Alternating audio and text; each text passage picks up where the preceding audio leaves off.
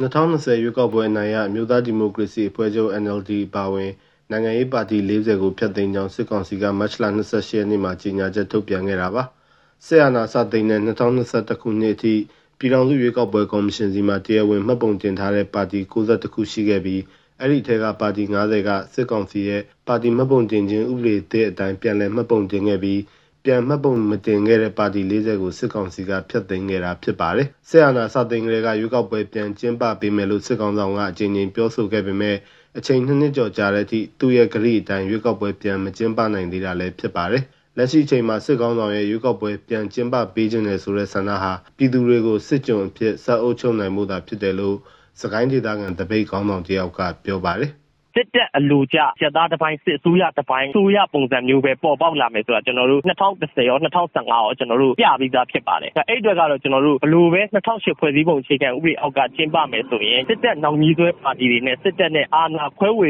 ပြီးတော့ယူထားတဲ့စစ်တစ်ပိုင်းအစိုးရပုံစံမျိုးနဲ့နိုင်ငံကိုကျွန်တော်တို့ပြည်သူလူထုကိုဒီစစ်ကြောအနေနဲ့ပဲဆက်ပြီးတော့အုပ်ချုပ်ဖို့အတွက်သူတို့ရဲ့အစီအမံလို့ကျွန်တော်တို့ကတော့မြင်ပါတယ်ဗျ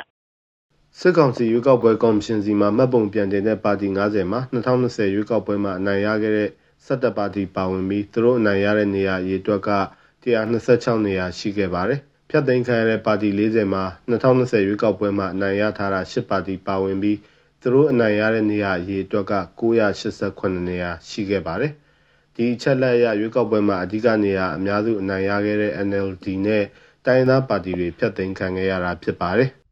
နောက်ထပ်လုပ်မယ့်ရွေးကောက်ပွဲမှာပေါ့သူတို့ကသူတို့ပဲပြိုင်မယ်သူတို့ကသူတို့နိုင်မယ်ဆိုတဲ့ပုံစံမျိုးကိုဖန်တီးပြီးတော့မှရွေးကောက်ပွဲတွေသူကလုပ်ပြီးတော့မှဒီလိုနိုင်တာဆိုပြီးတော့မှကဘာနဲ့ပြည်သူပြောချင်နေကြတယ်တကယ်တော့အဲ့လိုချက်သိမ်းလိုက်တာဟာကြောင်ပြောင်တင်းတင်းဥပဒေချိုးပေါက်ခြင်းတတ်တတ်တာဖြစ်တယ်ပေါ့2020ရွေးကောက်ပွဲမှာနိုင်ရရှိခဲ့တဲ့ NND အပါအဝင်တချို့သောပါတီတွေလည်းပါနေတာကိုတွေ့ရတယ်ပါတီတိုင်းပစ္စည်းတွေကိုသိမ်းလိုက်တယ်ဆိုကြတဲ့ကပြည်သူကြောင်ပြောင်တင်းတင်းစော်ကားတာဥပဒေချိုးပေါက်ရဖြစ်တယ်ပေါ့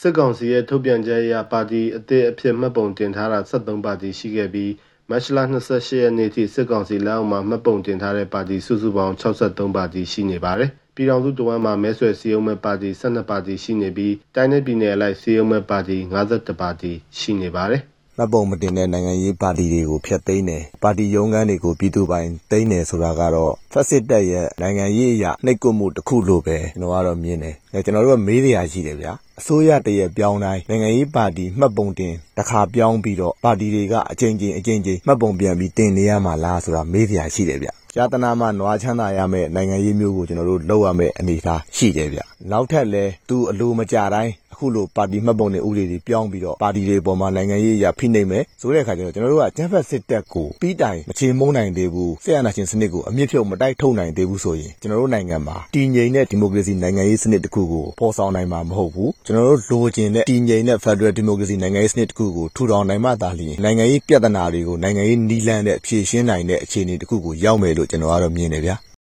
စစ်ကောင်စီကနိုင်ငံရေးပါတီများမှတ်ပုံတင်ခြင်းဥပဒေအသစ်ကို January 26ရက်နေ့မှာထုတ်ပြန်ကြေညာခဲ့ပြီးလက်ရှိကြည်စဲပါတီအလုံးလာမယ့်ရက်ပေါင်း60အတွင်းမှာမှတ်ပုံပြန်တင်ဖို့နဲ့မှတ်ပုံပြန်မတင်ရင်အလိုလျောက်ပါတီအဖြစ်ကနေဖျက်သိမ်းမိတာဖြစ်မယ်လို့ဆိုခဲ့ပါတယ်။လက်တလုံးမှာတော့သူတို့ကြေညာချက်အတိုင်းမှတ်ပုံပြန်မတင်တဲ့ NLD အပါအဝင်ဂုံတိတ်ခရှိတဲ့နိုင်ငံရေးပါတီတွေကိုဖျက်သိမ်းကြောင်းစစ်ကောင်စီကကြေညာခဲ့တာဖြစ်ပါတယ်။ကျွန်တော်တုဒ္ဒချန်တာပါ။